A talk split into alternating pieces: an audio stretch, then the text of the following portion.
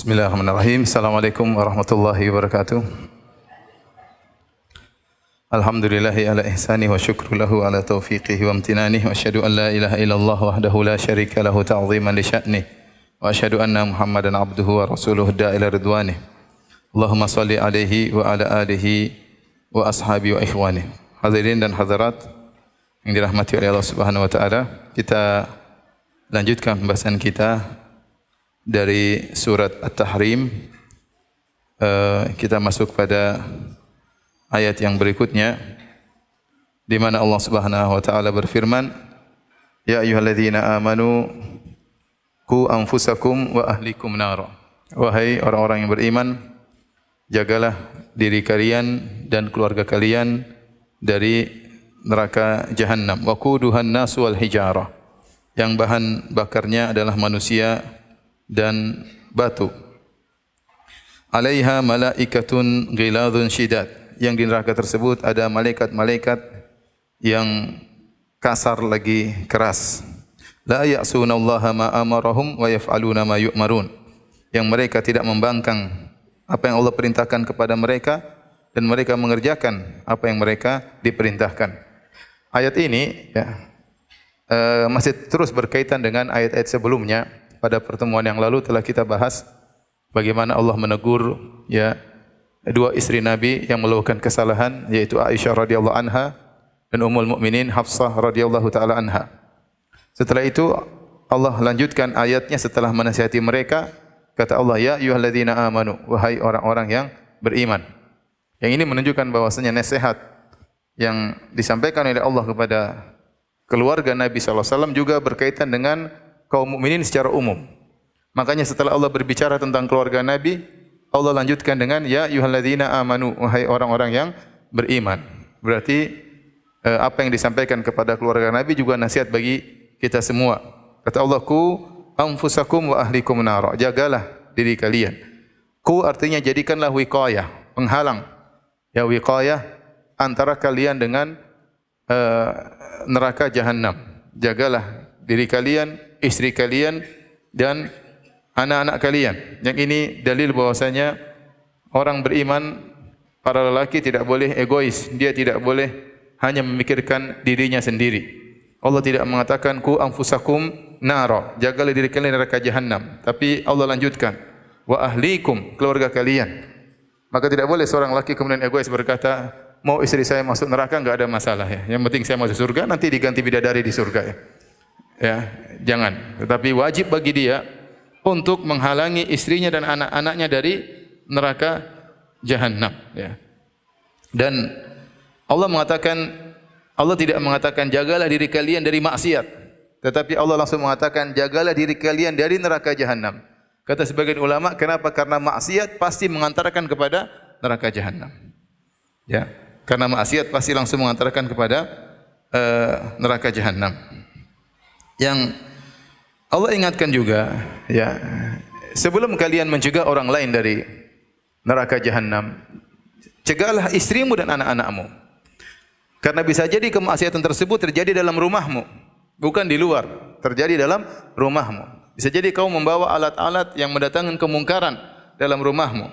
Bisa jadi kau mengajari anak-anakmu melakukan kemungkaran tanpa kau sadari. Saya contohkan seorang suami istri kemudian nonton sinetron di hadapan anak-anaknya. Secara tidak langsung dia mengajari anak-anaknya untuk nonton sinetron. Ya. Kemudian naik menjadi nonton bioskop lama-lama. bioskop syar'i. lama-lama ya. Jadi terkadang kita di keluarga bisa mengajari anak-anak kita untuk masuk dalam neraka jahanam. Maka Allah ingatkan jangan sampai orang-orang yang kau cintai, istrimu, anak-anakmu justru kau jerumuskan dalam neraka jahanam. Maka sebelum kau berbicara untuk mengingatkan orang di luar, perhatikanlah anak istrimu. Jangan sampai anak istrimu terjerumus dalam neraka jahanam karena bisa jadi sumber neraka jahanam diawali dalam rumahmu sendiri. Allah ingatkan tentang bahaya neraka tersebut. Kata Allah Subhanahu wa taala wa quduhan nas wal hijarah. Yang neraka tersebut sangat mengerikan. Kenapa? Karena uh, bahan bakarnya ya adalah manusia dan batu ya. Kita tahu kalau secara umum bahan bakar ya Mungkin bensin atau bahan bakar adalah kayu yang dibakar keluar api. Tapi ternyata di neraka bahan bakar adalah manusia dan batu. Batu kata sebagian ulama ya dia menjadi bahan bakar itu sangat panas ya. Karena dia selain membakar dia juga menempel di tubuh manusia ya. Orang mungkin dibakar, beda lagi kata orang ditempelkan misalnya dengan batu bara yang sedang terbakar ditempelkan di kulitnya. Ini menambah kepedihan. Bukan cuma nyala api yang menyerang, bahkan panas batu tersebut juga menempel di kulitnya dan ini lebih panas daripada hanya sekedar nyala nyala api. Dan ternyata di neraka jahanam bahan bakarnya batu. Kemudian manusia Manusia ternyata di dalam neraka jahanam, dia terbakar sekaligus membakar. Ini kekuasaan Allah Subhanahu wa taala. Makanya Allah berfirman, "Innakum wa ma ta'buduna min dunillahi hasabu jahannam." Sungguhnya kalian dan apa yang kalian sembah selain Allah akan menjadi bahan bakar atau api buat apa kayu bakar di neraka jahanam.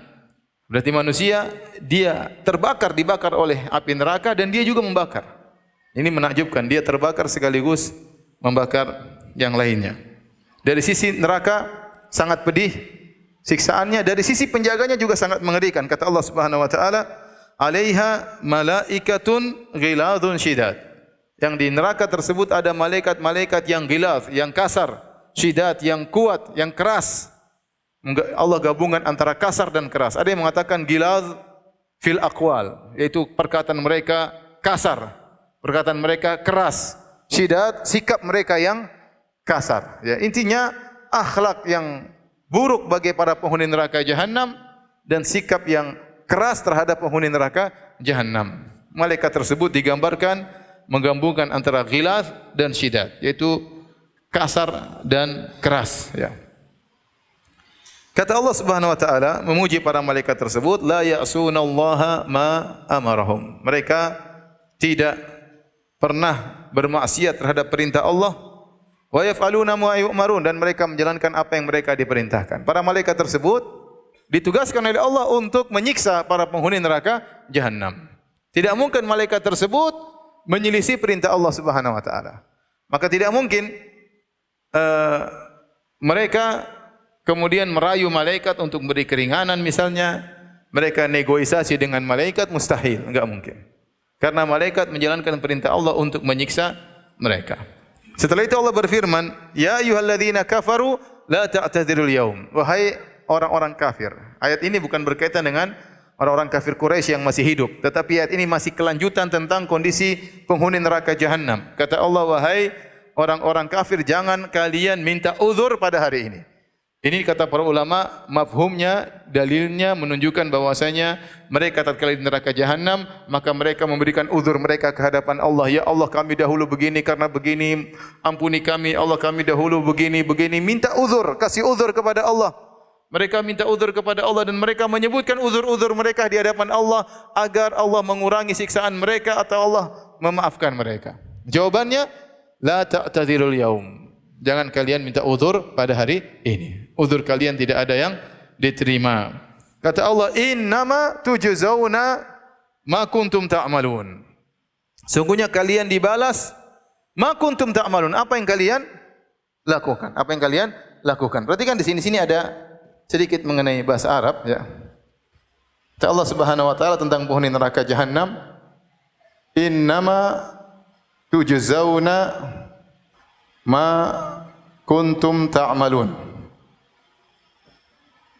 Adapun kalau bagi penghuni surga, kata Allah Subhanahu wa taala, udkhulul jannata bima kuntum ta'malun. Udkhulul jannata bima kuntum ta'malun. Perhatikan di sini, di sini ada ba, huruf ba. Huruf ba, adapun di sini tidak ada huruf tidak ada huruf ba banyak enggak ada. Kenapa? Karena tatkala Allah berfirman tentang penghuni surga, Allah mengatakan masuklah kalian surga bi dengan sebab amalan kalian.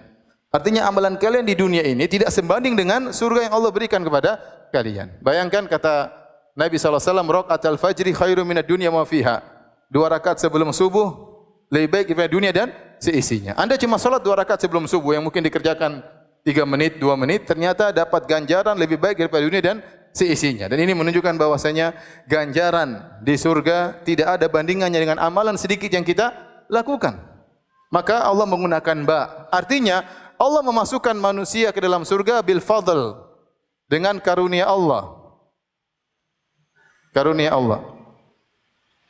Adapun tatkala Allah berbicara kepada penghuni neraka jahanam, Allah tidak pakai ba. Allah mengatakan innama tujzauna, sungguhnya kalian dibalas itu ma kuntum ta'malun. Apa sesuai dengan apa yang kalian lakukan? Allah tidak tambahkan tapi sesuai dengan yang kalian lakukan. Maka Allah membalas penghuni neraka jahanam bil adl. Dengan keadilan, ya.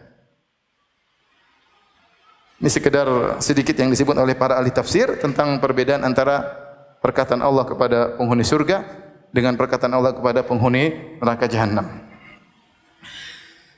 Kemudian Allah berfirman, Ya ayyuhalladzina amanu tubu ila Allahi taubatan nasuha. Allah berfirman, wahai orang-orang yang beriman, bertobatlah kalian kepada Allah dengan taubatan nasuha. Taubat yang nasuh. Apa itu taubat yang nasuh? Ada khilaf di kalangan para ulama tentang makna taubatan nasuha. Apa makna taubah nasuha?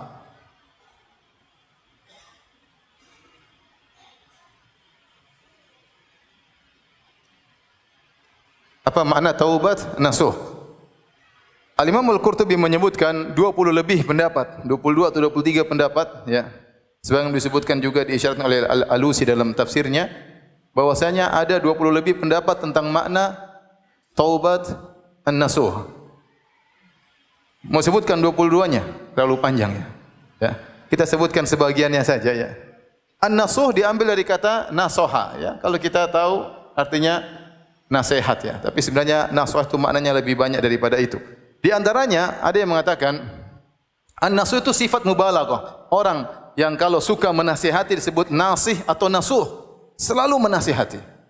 Dia mubalaghah dalam menasihati secara bahasa Arab namanya nasuh. Jadi seakan-akan Allah berfirman wahai orang yang beriman bertobatlah dengan tobat yang sangat menasihati. Itu secara bahasa. Dengan tobat yang sangat menasihati. Nah, apa maksudnya tobat yang sangat menasihati? Di antaranya pendapat mengatakan ai taubatan tansahuna anfusahum, ya. Taubatan tan sahuna biha anfusahum.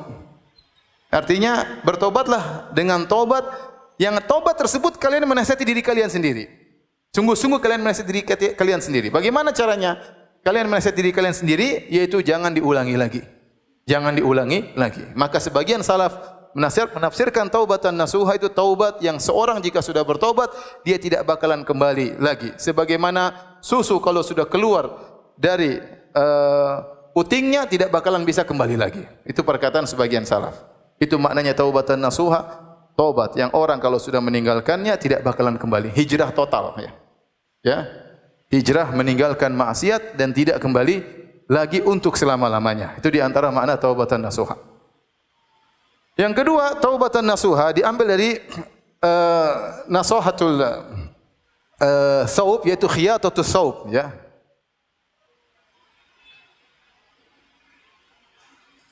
Artinya khiyatah. Maksudnya baju yang menjahit baju. Baju yang bolong-bolong. Maksudnya taubat nasuha itu seorang tatkala dia setelah bertobat maka dia memperbaiki dirinya. Mulailah dia merajut kekurangan-kekurangannya. Ya namanya orang bertobat belum tentu dia langsung meninggalkan secara total tapi dia mulai memperbaiki apa?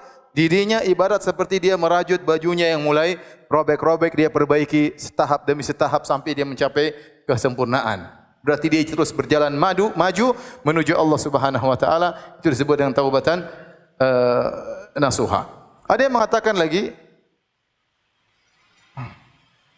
taubat nasuha yaitu taubatan tansahuna bihi tansahuna biha ghairakum yaitu engkau menasihati orang lain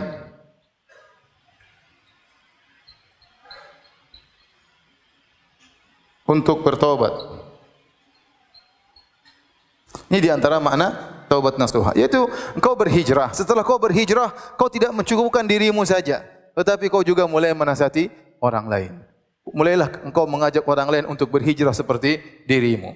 Mulailah kau menawarkan orang lain untuk bertobat sebagaimana kau telah bertobat. Ya, ini di antara makna taubatan nasuha. Dan ada makna-makna yang lain yang sampai berjumlah 22 di antara juga seperti oleh Qurtubi yaitu seorang bertobat dan dia tidak pede bahwasanya tobatnya diterima oleh Allah Subhanahu wa taala sehingga dia senantiasa berada dalam kondisi wajal, rasa ketakutan, rasa di antara khauf dan roja, berharap dan khawatir, berharap dan khawatir dan itu disebut dengan taubatan nasuha. Allah alam bisawab. Ini di antara makna-makna dari taubatan nasuha yang jumlahnya sangat banyak khilaf di kalangan para ulama. Tetapi intinya para ulama tatkala menjelaskan syarat taubat, ya. Apa syarat taubat? yang disebutkan oleh Ibn Nawawi rahimahullah taala sebagaimana kita kita bersama syaratnya ada tiga yaitu al-iqla meninggalkan dosa kemudian apa yang kedua? An-nadam menyesal. Yang ketiga al-azam ala adamil audah yaitu bertekad tidak kembali.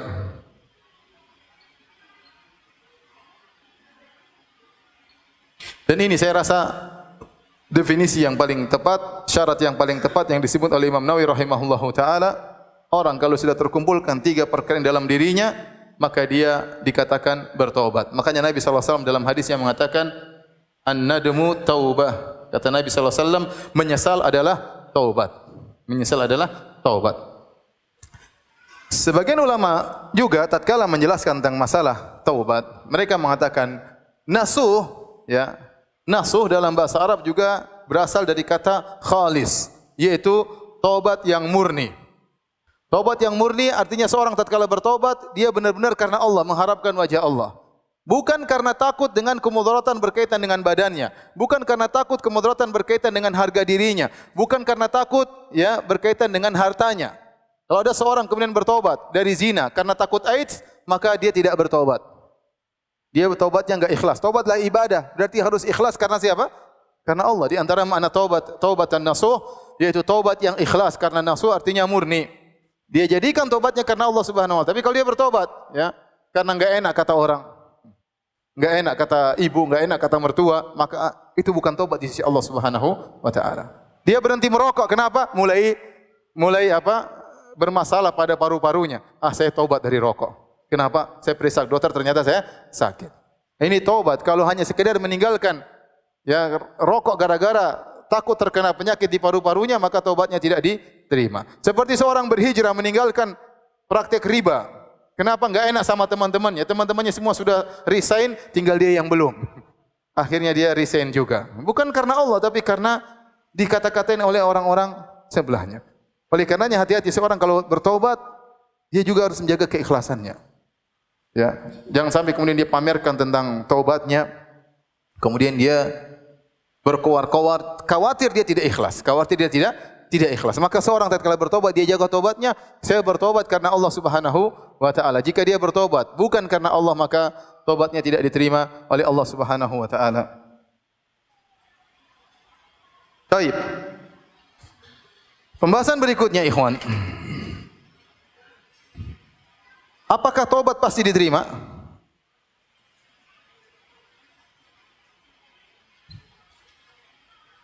Apa kata Allah setelah itu diterima Allah?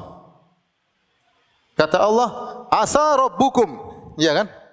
Asa rabbukum ayyukaffiru ankum sayyi'atikum. Kata Allah Subhanahu wa taala, asa rabbukum an yukaffiru ankum sayiatikum. Yang artinya semoga, ini artinya semoga. Asa dalam bahasa artinya semoga. Semoga Robmu meng, menghapuskan dosa-dosamu.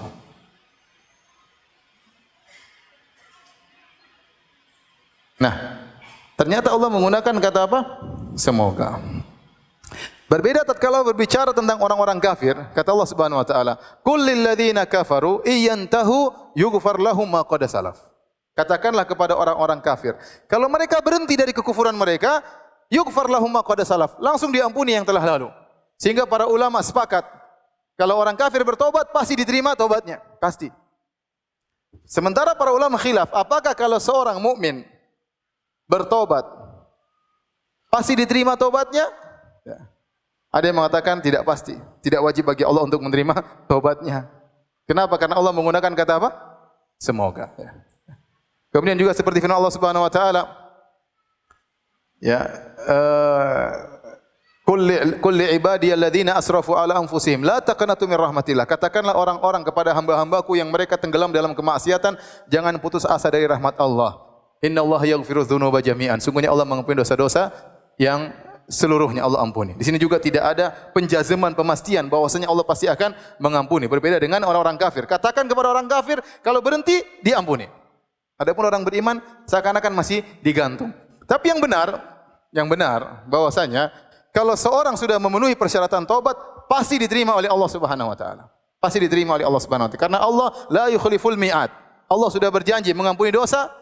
Alam ya'lamu anna Allah yaqbalu taubatan ibadih. Tidakkah mereka ketahui bahwasanya Allah menerima taubat dari hamba-hambanya. Dan terlalu banyak sifat Allah Tawwab yang Maha menerima taubat, Ghafur, Ghafir, terlalu banyak nama-nama Allah yang menunjukkan Allah Maha menerima taubat. Dan banyak hadis menunjukkan Allah Maha menerima taubat dari hamba-hambanya. Tetapi kenapa Allah menggunakan perkataan semoga? Sebagai isyarat bahwasanya Allah mengampuni hamba-hambanya itu bukan kewajiban dari Allah, tetapi itu karunia dari Allah Subhanahu wa taala. Ini yang pertama agar kalian tahu kalau Allah tidak mengampuni kalian itu hak Allah sebenarnya. Tetapi Allah dengan karunia-Nya, dengan rahmatnya, kasih sayangnya mengampuni kalian kalau kalian bertobat. Yang kedua, agar agar para hamba tatkala mendengar asa semoga agar mereka tidak jadi ujub, tidak merasa pede, senantiasa berada di antara khauf dan roja. Dan itu yang diharapkan dari Allah, dari kita oleh Allah Subhanahu wa taala. Allah berharap hamba-hambanya selalu dalam antara khauf dan roja. Jangan sampai pede berlebihan, pede merasa pede masuk surga, tetapi dia merasa antara ketakutan dan berharap. Maka Allah menggunakan kata asa. Ya. Dan kalau Allah mengatakan asa, maka pasti Allah akan melakukannya. Sebagaimana seorang raja berkata kepada uh, misalnya kepada rakyatnya, semoga kita melakukan hal ini dan dia pasti melakukannya. Cuma dia menggunakan kata semoga. Jadi asa rabbukum ayyukaffira ankum sayyi'atikum. Semoga Allah Subhanahu wa taala mengampuni dosa-dosa kalian. Ini berarti Allah pasti mengampuni dosa-dosa kalian kalau kalian bertobat. Cuma yang jadi pertanyaan, apakah kita sudah memenuhi persyaratan ini? Ini yang jadi pertanyaan. Sehingga Ibn Al-Qayyim rahimahullah ta'ala dalam kitabnya Madarijus Salikin menyebutkan bahwasanya seorang beriman tidak bisa menjazam memastikan dirinya diterima tobatnya. Tidak bisa. Karena dia tidak belum tentu bisa memastikan dia telah memenuhi persyaratan untuk bertobat kepada Allah Subhanahu wa taala. Itu yang jadi permasalahan. Tapi seandainya ya, seandainya persyaratannya sudah terpenuhi, pasti Allah akan mengampuni dosa-dosanya. Baik, kita lanjutkan. Kata Allah Subhanahu wa taala, "Asa rabbukum ayyukaffiru ankum sayyi'atikum wa yudkhilakum jannatin tajri min tahtihal anhar. Dan Allah kalau kalian bertaubat dengan taubat nasuha, Allah akan mengampuni dosa-dosa kalian dan Allah akan masukkan kalian ke dalam surganya yang mengalir di bawahnya sungai-sungai. Dan ini menunjukkan luasnya rahmat Allah Subhanahu wa taala. Dan antum tahu bahwasanya Allah lebih sayang kepada antum daripada seorang ibu kepada anaknya. Ya, betapa sering seorang anak bermasalah dengan ibunya, kemudian dia minta maaf, ibunya tidak memaafkan. Betapa sering demikian. Meskipun ibunya sangat sayang kepada sang anak. Ya. Betapa sering seorang anak untuk bisa mendapatkan ampunan dari ibunya, maka dia harus ya berjalan waktu yang lama, ya kemudian berusaha dari waktu yang satu ke waktu yang lain, ya mungkin bisa diomelin oleh orang tuanya, ya, bisa jadi diusir oleh orang tuanya, baru dia bisa diampuni oleh orang tuanya. Tetapi Allah Subhanahu wa taala tidak demikian. Seorang hamba bermaksiat kepada Allah, melakukan banyak dosa. Kemudian dia menangis minta ampun kepada Allah, maka Allah akan terima taubatnya. Allah akan menerima taubatnya. Dia tidak perlu merangkai kata-kata yang indah. Dia keluar secara natural dari hatinya, dari lubuk hatinya yang paling dalam minta kepada Allah Subhanahu wa taala bangun di malam hari menangis minta ampun kepada Allah, Allah akan ampuni. Ini menunjukkan bahwasanya ya, Allah lebih sayang kepada hamba-hambanya daripada seorang ibu kepada anaknya. Yang kedua, ternyata setelah Allah ampuni, Allah bukan cuma mengampuni, bukan hanya mengatakan dosamu menjadi nol, bahkan Allah kasih bonus, yaitu Allah masukkan ke dalam surga. Makanya Allah tidak mengatakan asal rabbukum ayyukaffira ankum sayiatikum titik tapi masih koma. Wa yudkhilakum jannatin tajri min tahtihal anhar. Bisa jadi Allah mengampuni dosa-dosa kalian dan memasukkan kalian ke dalam surganya. Dan apakah ada manusia yang seperti itu? Kalau kita bersalah kepada dia, kemudian kita ampun, minta maaf kepada dia, terus dia berkata, saya ampuni kesalahanmu, dan ini mobil saya kasih hadiah buat kamu. Apakah ada yang demikian? Mustahil ya. Kalau ada orang kita berbuat salah kepada dia, kita datang merengek-rengek minta maaf. Terkadang dia ngomel-ngomel dulu, ente sih kurang ajar sih, karena sudah bilang dari dulu. Tapi saya maafkan ya. Diomelin dulu baru dimaafkan. Tapi Allah Subhanahu wa taala ente datang, ente menangis tidak diomelin oleh Allah Subhanahu wa taala, kapan saja ente bisa ketuk pintu Allah Subhanahu wa taala, ente bertobat kepada Allah Subhanahu wa taala, tidak perlu merangkai kata-kata, diampuni oleh Allah, dikasih bonus masuk surga. Dan siapa yang lebih baik daripada Allah Subhanahu wa taala? Kemudian firman Allah selanjutnya Yauma la yukhzillahu an-nabiyya wal ladzina amanu ma'ah.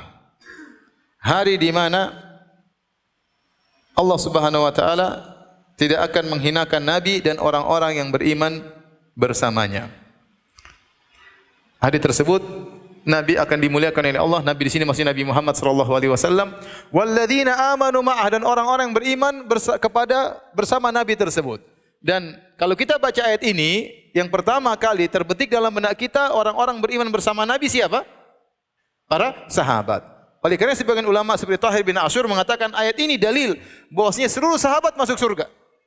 Karena mereka tidak akan dihinakan oleh Allah Subhanahu wa taala. Dan ayat ini yang pertama kali ya terbetik dalam benak kita yang pertama kali tercakup dalam ayat ini adalah para sahabat Nabi sallallahu alaihi wasallam karena Allah mengatakan walladzina amanu ma'ah dan orang yang beriman bersama Nabi. Allah tidak mengatakan dan orang-orang yang beriman kepada Nabi. Allah mengatakan walladzina amanu ma'ah dan orang-orang beriman bersama Nabi. Dan kita tahu yang beriman bersama Nabi di zaman Nabi siapa? Para sahabat. Ini dalil bahwasanya seluruh sahabat masuk surga kata Tahir bin Ashur rahimahullahu taala. Tentunya orang yang beriman akan dimuliakan pada hari tersebut, hari yang di mana Allah menghinakan banyak manusia. Kemudian kata Allah Subhanahu wa taala, "Nuruhum yas'a baina aydihim wa bi aymanihim."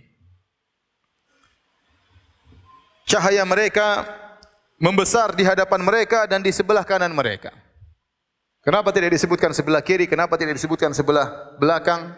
Kata sebagian ulama di depan agar mereka melihat indahnya cahaya tersebut. Sebelah kanan agar mereka bisa ya seperti mengatur cahaya tersebut. Ya, kalau kita punya sesuatu kita pegang dengan tangan tangan kanan sehingga cahaya tersebut akan muncul di hadapan mereka dan sebelah kanan mereka membimbing mereka untuk melewati sirat pada hari kiamat kelak. Hari yang di mana hari tersebut sangat gelap. Barang siapa yang tidak diberi cahaya, maka dia akan terjerumus dalam neraka jahanam.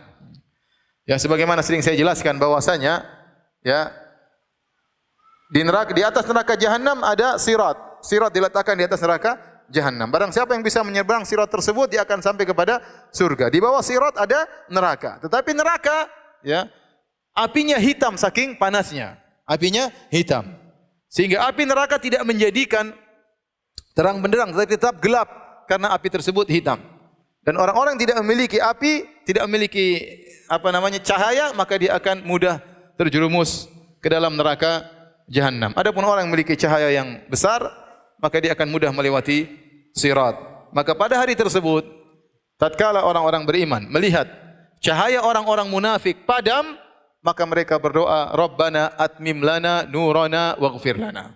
Innaka ala kulli syai'in qadir. Jadi tatkala di sirat, sebelum sirat terjadi zulmah, kegelapan, ya. Kegelapan sebelum orang-orang melewati sirat. Adapun orang-orang kafir yang asli, Yahudi, Nasrani dan yang lainnya, mereka tidak lewat sirat. Mereka langsung masuk neraka jahanam. Yang melewati sirat cuma dua model manusia. Kaum muslimin dan orang-orang munafik yang KTP mereka Islam. Mereka ditahan untuk melewati sirat. Maka Allah memberikan cahaya kepada orang-orang munafik. Dan mereka sudah sangat senang pada hari tersebut. Tiba-tiba cahaya mereka diredupkan oleh Allah Subhanahu wa taala dan hal itu dilihat oleh orang-orang beriman. Tatkala orang beriman melihat cahaya orang munafik diredupkan, mereka khawatir dengan diri mereka. Padahal mereka sudah memegang cahaya. Mereka tetap tidak pede pada hari tersebut. Maka mereka berdoa kepada Allah Subhanahu wa taala, "Rabbana atmim lana nurana." Ya Allah sempurnakanlah cahaya kami, jangan dipadamkan. Jangan seperti orang-orang munafik yang kau padamkan cahaya mereka. Waghfir lana dan ampunilah dosa-dosa kami. Mereka tatkala dalam kondisi genting tersebut ingat dengan dosa-dosa mereka. Di hari kiamat tidak ada yang mudah hari tersebut. Semua tahapan dilalui dengan penuh ketakutan dan mengerikan. Terutama tahapan terakhir, tahapan penentuan surga atau neraka lewat sirat. Sampai para anbiya tidak ada perkataan mereka kecuali tiga perkataan Allahumma sallim sallim. Para nabi ketakutan juga pada waktu tersebut. Para nabi berdoa, Ya Allah selamatkan, selamatkan. Itu perkataan mereka. Mereka tidak ngomong yang lain. Allahumma salim salim. Ya Allah selamatkan umatku. Ya Allah selamatkan umatku. Tapi tidak semua umat Nabi SAW selamat. Sehingga di saat yang sangat genting tersebut, kaum muminin sudah memegang cahaya, mereka pun masih ketakutan. Maka mereka berkata, Rabbana atmim lana. Ya Rabb kami sempurnakanlah cahaya kami. Waghfir lana dan ampunilah dosa-dosa kami. Ya, karena mereka sadar mereka penuh dengan dengan dosa. Kemudian mereka berkata, Inna ka ala kulli syai'in qadir. Sungguhnya engkau maha kuasa atas segala sesuatu. Mereka tidak berkata, Inna ka ghafurur rahim. Sungguhnya engkau maha pengamun lagi maha penyayang. Kan ini bukan di dunia lagi, ini di akhirat sekarang. Semuanya berkaitan dengan kekuasaan Allah subhanahu wa ta'ala. Nah, kita minta ampun dengan Inna ka ghafurur rahim tatkala di dunia. Sekarang di akhirat yang berlaku kekuasaan Allah subhanahu wa ta'ala. Maka mereka menutup permohonan ampun mereka dengan berkata innaka ala kulli syai'in qadir. Sungguhnya engkau maha kuasa atas segala sesuatu. Engkau maha kuasa untuk membesarkan cahaya kami untuk mengepin dosa-dosa kami untuk buat kami melewati sirat. Engkau maha kuasa atas segala sesuatu di hari yang tidak ada berkuasa kecuali engkau ya Allah. Kemudian Allah berfirman Ya ayuhan nabi jahidil kuffar wal munafiqin waghluz alaihim. Wahai nabi, berjihadlah melawan orang-orang kafir dan orang-orang munafik dan sikaplah keras terhadap mereka. Jihad terhadap orang-orang kafir yaitu dengan menggunakan pedang. Kalau tidak bisa dengan pedang, tidak ada peperangan dengan pedang karena tidak semua waktu bisa terjadi jihad bisinan, jihad dengan pedang. Tetapi jihad bil qalam, jihad dengan pena, jihad dengan tulisan, jihad dengan dakwah akan terus tegak sampai hari kiamat. Ya. Akan terus tegak sampai hari kiamat. Adapun jihad melawan orang-orang munafik, jelas orang-orang munafik tidak boleh dibunuh. KTP mereka Islam. Oleh kerana yang dimaksud dengan jihad dengan melawan orang munafik adalah dengan ilmu. Oleh karenanya Allah Subhanahu wa taala menamakan jihad perjuangan dengan ilmu dengan jihad. Ya. Kata Allah Subhanahu wa taala, "Fala tuti'il kafirina wajahidhum bihi jihadan kabira." Wahai Muhammad, jangan kau taat kepada orang-orang kafir dan berjihadlah melawan mereka bihi dengan Al-Qur'an jihadan kabira dengan jihad yang besar. Allah menamakan jihad membantah orang-orang musyrikin dengan Al-Qur'an dengan dalil-dalil Al-Qur'an sebagai jihad yang besar. Maka seorang jangan memandang namanya jihad cuma dengan pedang. Jihad dengan pedang ada. Tetapi tidak setiap saat bisa dilakukan. Tetapi jihad dengan al-qalam, dengan pena, dengan dakwah, dengan lisan, dengan tulisan, setiap saat bisa dilakukan. Dan jihad kepada orang munafik cuma satu jenis, bukan jihad dengan pedang, tidak boleh dibunuh. Karena mereka KTP-nya apa? Islam. Jihadnya dengan tulisan, dengan bantahan. Ya, karena orang-orang munafik senantiasa membuat keonaran dalam dunia Islam. Mencari kesempatan dalam kesempitan, selalu ingin kehancuran bagi kaum muslimin, selalu membela orang-orang kafir. Maka selalu memberikan syubhat, selalu ya menyebarkan kerancuan dalam beragama. Sehingga harus dibantah dan bantah mereka adalah jihad. Membantah mereka jihad bukan dengan pedang tapi dengan tulisan. Dan sekarang ikhwan, kebanyakan yang manfaat di dunia sekarang ini adalah jihad dengan tulisan, jihad dengan dakwah. Betapa banyak orang-orang kafir masuk Islam di negara-negara kafir bukan dengan pedang. Mereka masuk Islam dengan apa? Dengan ilmu. Mereka mendengar tentang Islam. Mereka mencari tentang tulisan-tulisan Islam. Maka kemudian mereka pun masuk Islam. Kata Allah Subhanahu wa taala, "Wa ma'wahum jahannam." Sungguhnya tempat kembali mereka orang-orang kafir dan munafik adalah neraka jahannam. Wa bi'sal masir dan uh, seburuk-buruk tempat kembali mereka. Setelah itu Allah Subhanahu wa taala masuk dalam paragraf berikutnya ya berbicara tentang permisalan yang Allah buat untuk orang-orang kafir dan untuk orang-orang beriman. Allah buka ayatnya dengan berkata dengan firman-Nya daraballahu wa daraballahu mathalan lil ladzina kafaru imra'ata nuhin wa imra'ata lut. Sungguhnya Allah membuat perumpamaan untuk orang-orang kafir tentang istrinya Nabi Nuh dan tentang istrinya Nabi Lut. Kanata tahta abadaini min ibadina. Sungguhnya dua wanita ini berada ya di bawah dua orang suami yang merupakan dua hambaku yang saleh. Mereka berdua bersuamikan dua hambaku yang saleh. Fa khanatahuma. Namun kedua wanita ini berkhianat kepada dua suami mereka hamba-hamba yang saleh tersebut. Falam yughni anhuma. Ya, maka kedua suaminya tidak bisa menolong mereka berdua. Wa qila dakhulan nar ma'ad dakhilin. Maka dikatakan kepada dua wanita ini, masuklah kalian ke dalam neraka jahanam bersama orang-orang yang masuk. Allah buka permisalan perumpamaan untuk orang-orang kafir dengan perumpamaan istrinya Nuh dan istrinya Firaun. Pembicaraannya terfokus kepada orang-orang kafir Quraisy. Wahai orang-orang kafir Quraisy, wahai orang-orang kafir, perhatikan perumpamaan ini. Ini perumpamaan Allah buat berkaitan dengan kalian. Lihatlah istri Nuh dan istri Lut alaihi wassalam berada di bawah naungan dua suami yang hamba yang saleh. Ya. Allah tidak hanya mengatakan dua wanita ini berada di bawah naungan kedua hambaku, tetapi Allah mengatakan di bawah naungan kedua hambaku yang saleh.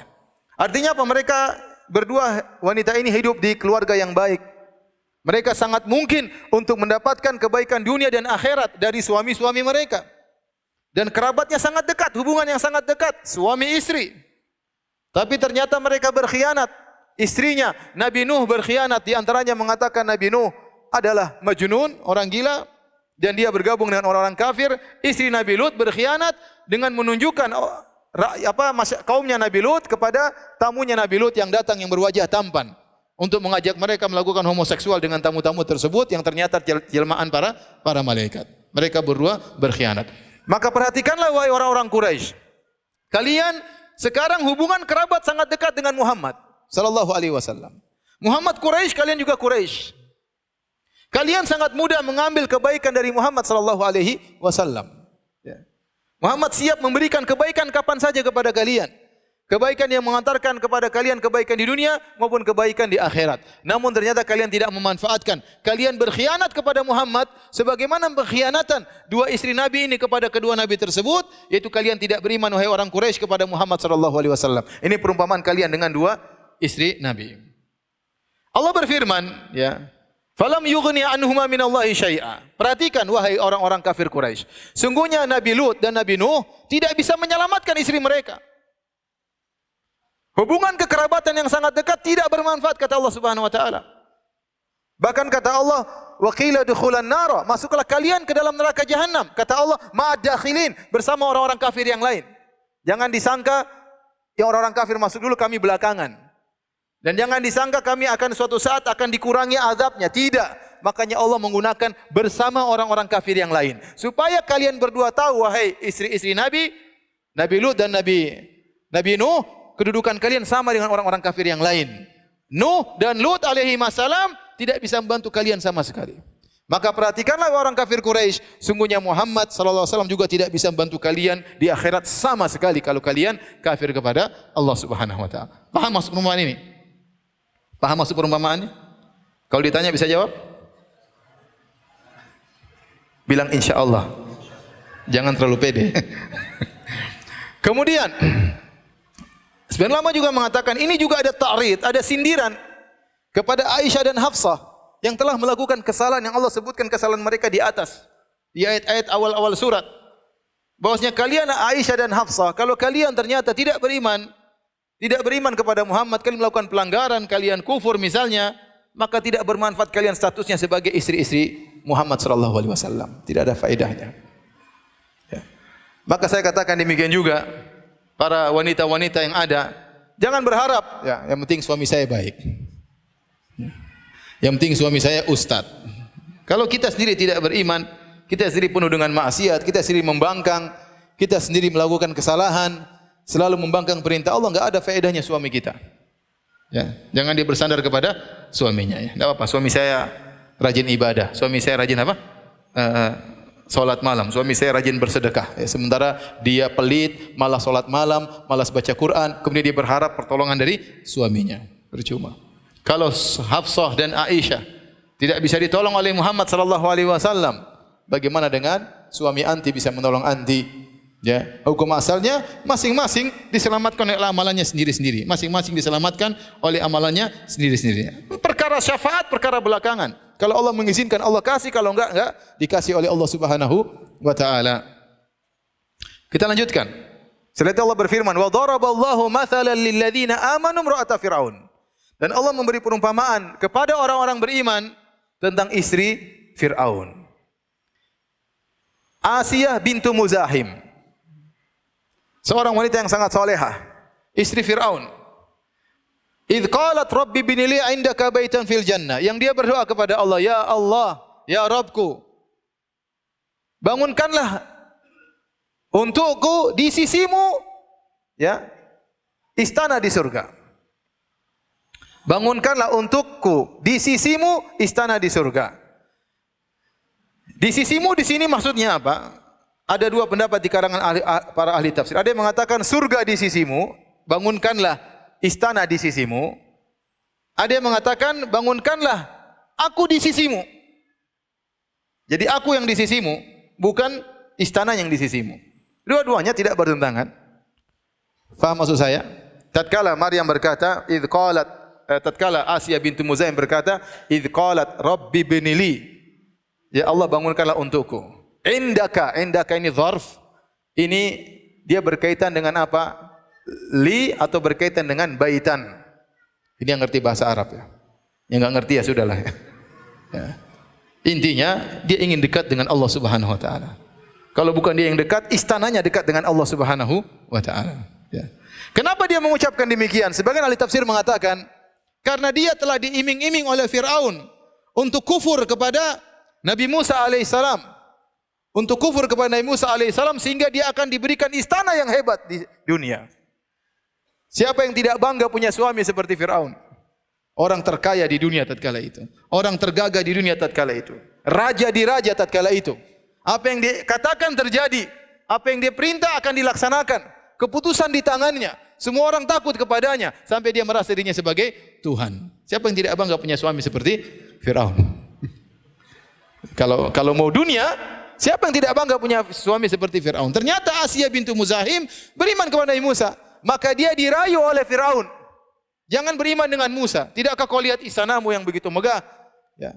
Maka tatkala itu dia berdoa kepada Allah. Dia meninggalkan seluruh kenikmatan dunia untuk meraih kenikmatan yang abadi di akhirat dan dia berdoa, "Rabbi binili indaka baitan fil jannah." Ya Allah bangunkanlah untukku di sisimu istana di surga. Ada yang mengatakan dia mengucapkannya tatkala dia bersikeras dalam keimanannya, disiksa oleh Firaun, diambil tali diletakkan diikatkan tangan kanannya, tali di tangan kirinya, di kaki kanan kaki kirinya, kemudian ditarik oleh Fir'aun. Tatkala ruhnya akan dicabut oleh Allah, maka dia berdoa dengan doa tersebut sehingga Allah menyelamatkan ruhnya.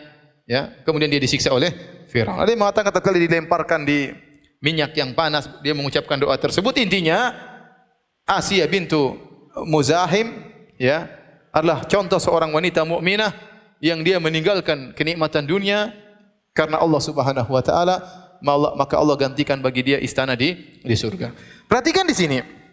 Allah bercerita tentang dua nabi istrinya kafir-kafir. Ya, fa khanatahuma maksudnya kafir keduanya ya. Allah bercerita tentang Firaun, istrinya mukminah. Subhanallah. Hidayah di tangan Allah Subhanahu wa taala. Ya. Ini dua nabi tidak bisa mendakwahi, tidak berhasil mendakwahi dua istrinya karena hidayah di tangan Allah. Tentunya Nabi Lut sayang kepada istrinya. Tentunya Nabi Nuh sayang kepada istrinya dan mereka berdua tentunya mendakwahi istrinya lebih utama daripada orang lain. Tapi ternyata kedua-duanya tidak beriman. Padahal sebab hidayah sudah sangat luar biasa, tetapi hidayah di tangan Allah Subhanahu wa taala. Sebaliknya istri Firaun, sebab kerusakan, sebab kesesatan semuanya berada di sekitar dia. Firaun yang luar biasa, kemegahan dunia yang luar biasa, ternyata dia beriman. Di tengah-tengah kekufuran, dia bisa beriman. Dia bisa beriman. Ya. Uh, Syekh Saleh Sindi pernah bercerita, dia baru uh, membimbing seorang mahasiswa di Madinah berasal dari negara kafir, kalau enggak salah Swedia atau negara-negara Eropa. Yang keluarganya masih kafir. Subhanallah sekarang dia S2 atau S3 menulis tesis atau disertasi membantah pemikiran orang-orang ateis. Bayangkan. Dia berasal dari kompleks ateis, tapi Allah beri hidayah kepada dia. Sekarang dia tulis disertasi atau tesis membantah orang-orang apa? Ateis. Subhanallah. Kalau berkehendak istri Fir'aun di tengah kesesatan, di tengah kekufuran, ternyata dia beriman kepada Allah Subhanahu wa taala. Maka dari sini kita tahu hidayah itu mahal. Kalau antum dapat hidayah, antum banyak bersyukur kepada Allah Subhanahu wa taala. Tidak semua orang bisa diberikan hidayah oleh Allah Subhanahu wa taala. Kemudian perumpamaan yang terakhir Allah sebutkan Wa Maryam binta Imran allati ahsanat farjaha dan Maryam binti Imran ibunya Nabi Isa alaihi salam yang dia menjaga kemaluannya. Fanafakhna fihi min ruhina dan kami pun meniupkan pada dirinya ruh kami yaitu Nabi Isa yang salah satu di antara ruh-ruh yang Allah ciptakan. Makanya Allah menyebutkan ruh kami dalam rangka untuk memuliakan. Yaitu ruh spesial yang Allah ciptakan untuk dimasukkan ke dalam rahim Nabi Isa. Ya. Wasad eh, Maryam ke dalam rahim Maryam. Wasaddaqat bi kalimati rabbiha dan dia membenarkan kalimat-kalimat Rabbnya ya wa kutubih dan beriman kepada kitab-kitab Allah wa kanat minal qanitin dan dia termasuk orang-orang yang sangat taat kepada Allah Subhanahu wa taala. Kata sebagian ulama seperti Al-Alusi dalam tafsirnya, Allah memberi contoh kepada model ketiga. Model ketiga ini adalah seorang yang tidak bersuami. Sebagai hiburan kepada sebagian wanita yang mungkin mereka tidak punya suami, bahwasanya mereka bisa juga menjadi seorang wanita yang salehah, sangat mulia di sisi Allah Subhanahu wa taala atau hiburan kepada para janda yang mungkin ditinggal oleh suami-suami mereka.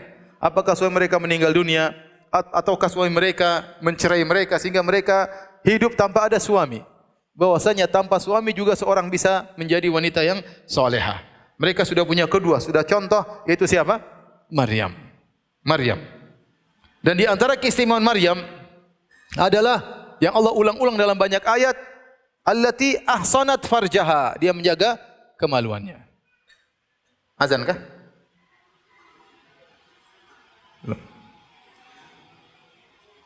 Allati ahsanat farjaha yang menjaga kemaluannya. Dia sangat menjauh dari lelaki yang bukan yang tidak halal baginya. Makanya Allah sebutkan tentang kisah Maryam tatkala didatangi oleh Jibril alaihissalam. Kata Allah fatamathala laha basharan sawiyya. Tatkala Maryam sedang beribadah kepada Allah, menyepikan dirinya, tiba-tiba Allah kirimkan malaikat Jibril, fatamatsala laha basharan sawiya dalam bentuk seorang lelaki yang tampan mendatangi Maryam. Begitu Maryam melihat malaikat Jibril, langsung dia berkata, "Inni a'udzu birrahmani minka in kunta taqiyya." Aku berlindung kepada Allah dari engkau jika kau takut kepada Allah Subhanahu wa taala. Dia tidak tahu itu bukan manusia. Dia tidak tahu kalau itu malaikat Jibril. Begitu datang lelaki, langsung dia berlindung kepada Allah. Agar Allah menyelamatkan lelaki tersebut darinya dan menyelamatkan dirinya dari lelaki tersebut. Maka jadi mengatakan, Inni a'udhu birrahmani minka. Aku berlindung kepada Allah dari engkau. Dan engkau juga taqiyah. Hendaknya kau bertakwa kepada Allah. Dia nasihati dirinya dan dia nasihati lelaki tersebut. Dia tidak tahu kalau itu adalah malaikat Jibril. Bukan seperti sebagian wanita sekarang. Ketemu lelaki, tinggal di mana sih? akhi ya. Seperti itu ya. Sebagian wanita seperti itu. Yang pertama kali malah berbicara dengan lelaki. Yang pertama kali malah menggoda apa? Lelaki. Sebagian wanita sampai laki-lakinya malu-malu. Malu-malu perempuan yang datang menegur. Kalau ingin masuk surga menjadi wanita soleha, allati ahsanat farjah, jaga kemaluan. Jangan sembarangan berbicara dengan lelaki. Jangan menjalin hubungan dengan lelaki yang tidak halal bagi kita. Sekarang zaman fitnah. Ya. Zaman medsos, semua orang bisa menjalin hubungan-hubungan yang haram. Semua orang bisa bernostalgia kembali kepada masa lalu, lalunya untuk mencari kawan-kawan lamanya. Dan betapa fitnah sering terjadi karena pertemuan antara seorang dengan kawan-kawan lamanya akhirnya terjadi apa yang terjadi. Maka jangan dia punya hubungan dengan lelaki manapun yang tidak halal bagi bagi dia. Ya. Jangan jadi teman Facebooknya, jangan jadi teman Instagramnya, apalagi teman WhatsAppnya. Ya. Apalagi sampai terjadi pembicaraan japri, waduh bahaya. Ya. Setan menggoda. Setan menggoda tidak langsung dengan vulgar, tapi sedikit demi sedikit. Mulai dikenangkan dengan masa lalu, mulai canda sedikit demi sedikit, mulai terpesona dengan cara penulisannya, mulai mulai mulai cinta berkembang berkembang akhirnya terjadi apa yang terjadi. Baik laki-laki maupun wanita. Sudah azan kah? Tolong azan. Yang bertanya silakan tulis pertanyaan. Hadirin dan hadirat kemati Allah Subhanahu wa taala. Maka Asia bintu Muzahim dan uh, Maryam bintu Imran adalah dua wanita yang spesial. Dalam Sahih Al-Bukhari, Nabi wasallam bersabda, "Kamula minar rijal katsir, wa lam yakmul minan nisa illa Asia bintu Muzahim imra'atu Fir'aun wa Imran wa Maryam bintu Imran. Wa fadlu Aisyah ala sa'irin nisa ka fadli Sarid ala sa'iri ta'am."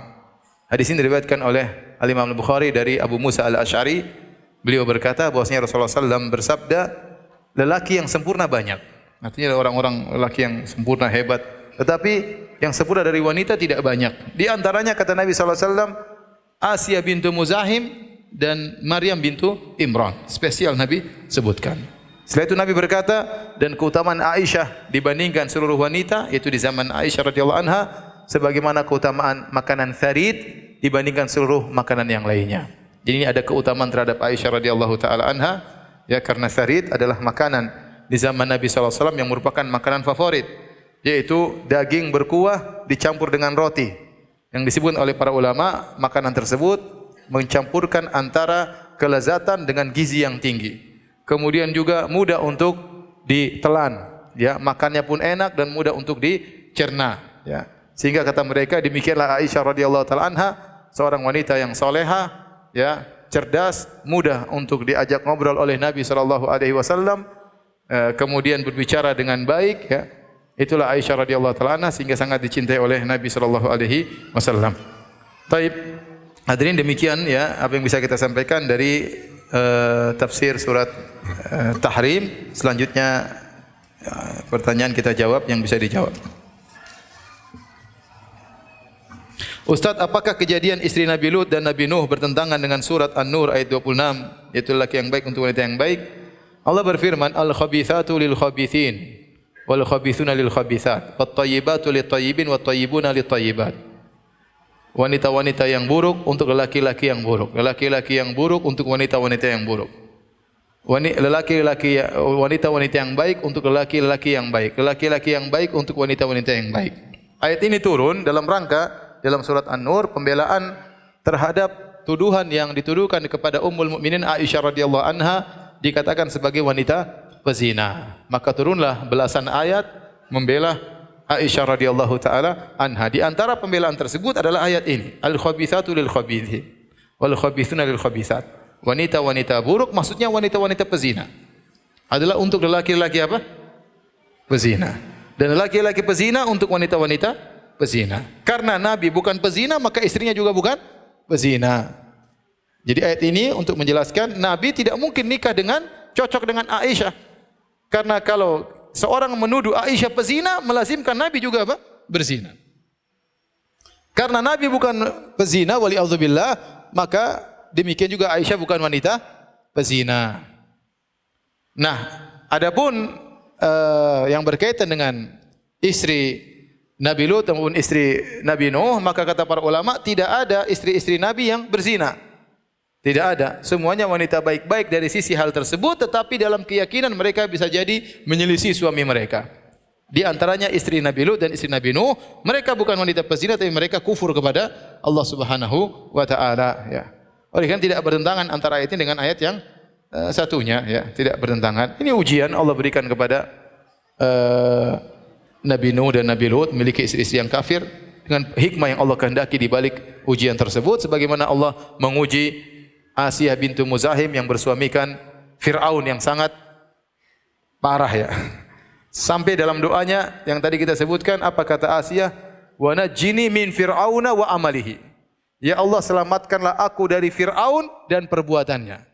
Bukan cuma perbuatannya yang kurang ajar, bahkan orangnya pun selamatkan aku. Kata para ulama seakan-akan orangnya itu dilihat sudah bermasalah. Sebelum dia beramal, dianya sudah bermasalah. Apalagi amal perbuatannya. Banyak sekali ya. Ini disimpan baik-baik, ditanyakan sama ustaz yang lainnya.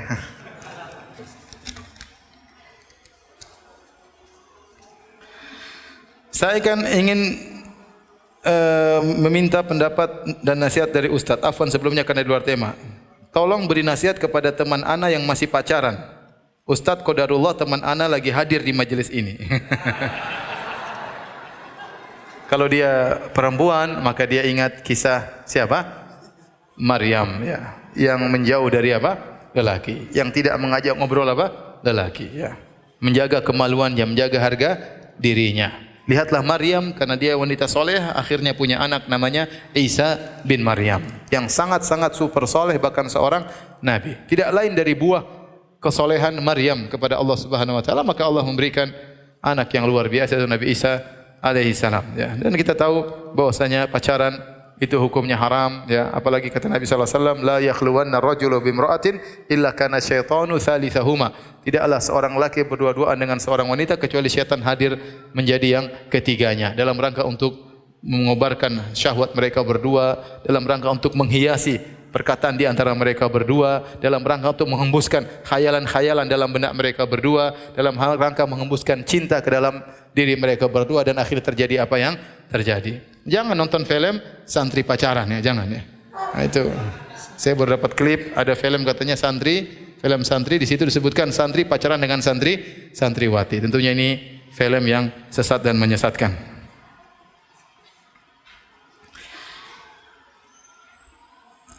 Ustaz, mungkin anak adalah orang yang paling berdosa. Dulu anak pernah berbuat zina sama mantan pacar anak. Namun alhamdulillah anak sudah hijrah, sudah tobat, Allah kasih hidayah sunnah. Tapi masih selalu teringat dengan perbuatan tersebut.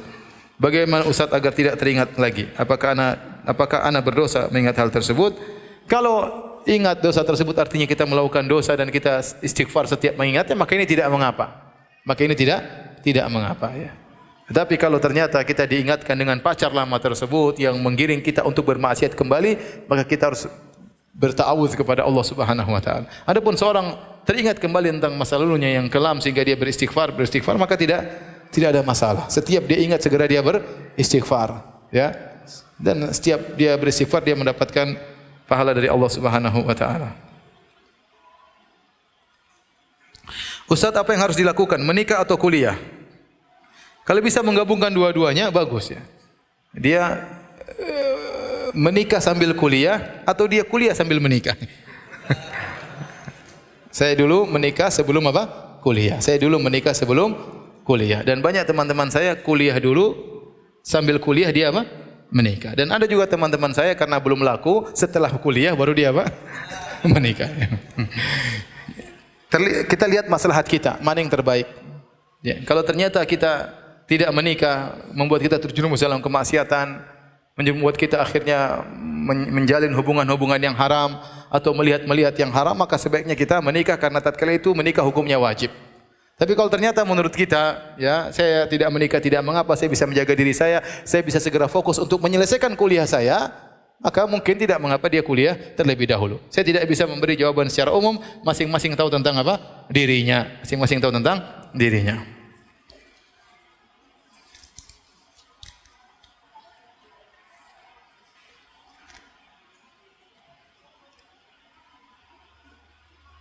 Apakah orang-orang munafik yang diredupkan cahayanya ketika melewati sirat akan masuk surga juga? Oh tidak. Mereka masuk neraka yang paling bawah ya. Innal munafiqina fi darkil asfali minan nar. Sungguhnya orang-orang munafik di neraka yang paling bawah. Bahkan neraka mereka kata para ulama lebih parah daripada neraka Yahudi dan Nasrani. Kenapa? Karena Yahudi dan Nasrani kafir asli. Adapun orang-orang munafik mereka menggabungkan dua kafir dan berdusta. Ya. Yukhadi'una Allah wal ladina amanu. Mereka menipu Allah dan orang-orang beriman. Menampakkan KTP-nya Islam tapi hatinya apa? Kufur, benci dengan syariat Islam benci dengan hadis-hadis Nabi, benci dengan orang eh, hijrah, benci. Ya. Ada kebencian terhadap ayat-ayat Allah, ada kebencian terhadap hadis-hadis Nabi sallallahu alaihi wasallam. Maka orang ini lebih parah daripada kafir asli Yahudi dan Nasrani. Dan kerusakan yang mereka timbulkan lebih parah daripada kerusakan yang ditimbulkan oleh Yahudi dan Nasrani. Ya. Dan mereka dimanfaatkan oleh orang-orang kafir asli ya karena mereka dianggap orang dalam dalam Islam kerusakan timbul dari dalam lebih berbahaya daripada kerusakan timbul dari luar. Makanya orang-orang munafik mereka di neraka jahanam bahkan lebih parah daripada Yahudi dan Nasrani kata Allah innal munafiqina fid darkil asfali minan nar. Sungguhnya orang munafik di neraka yang paling bawah. Ustaz insyaallah mau menikah, saya mau menikah tahun ini, tapi ada sedikit masalah sama akhwatnya.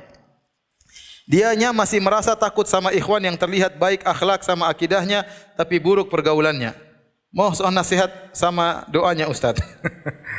Kita doakan semoga antum diberi istri yang soleha.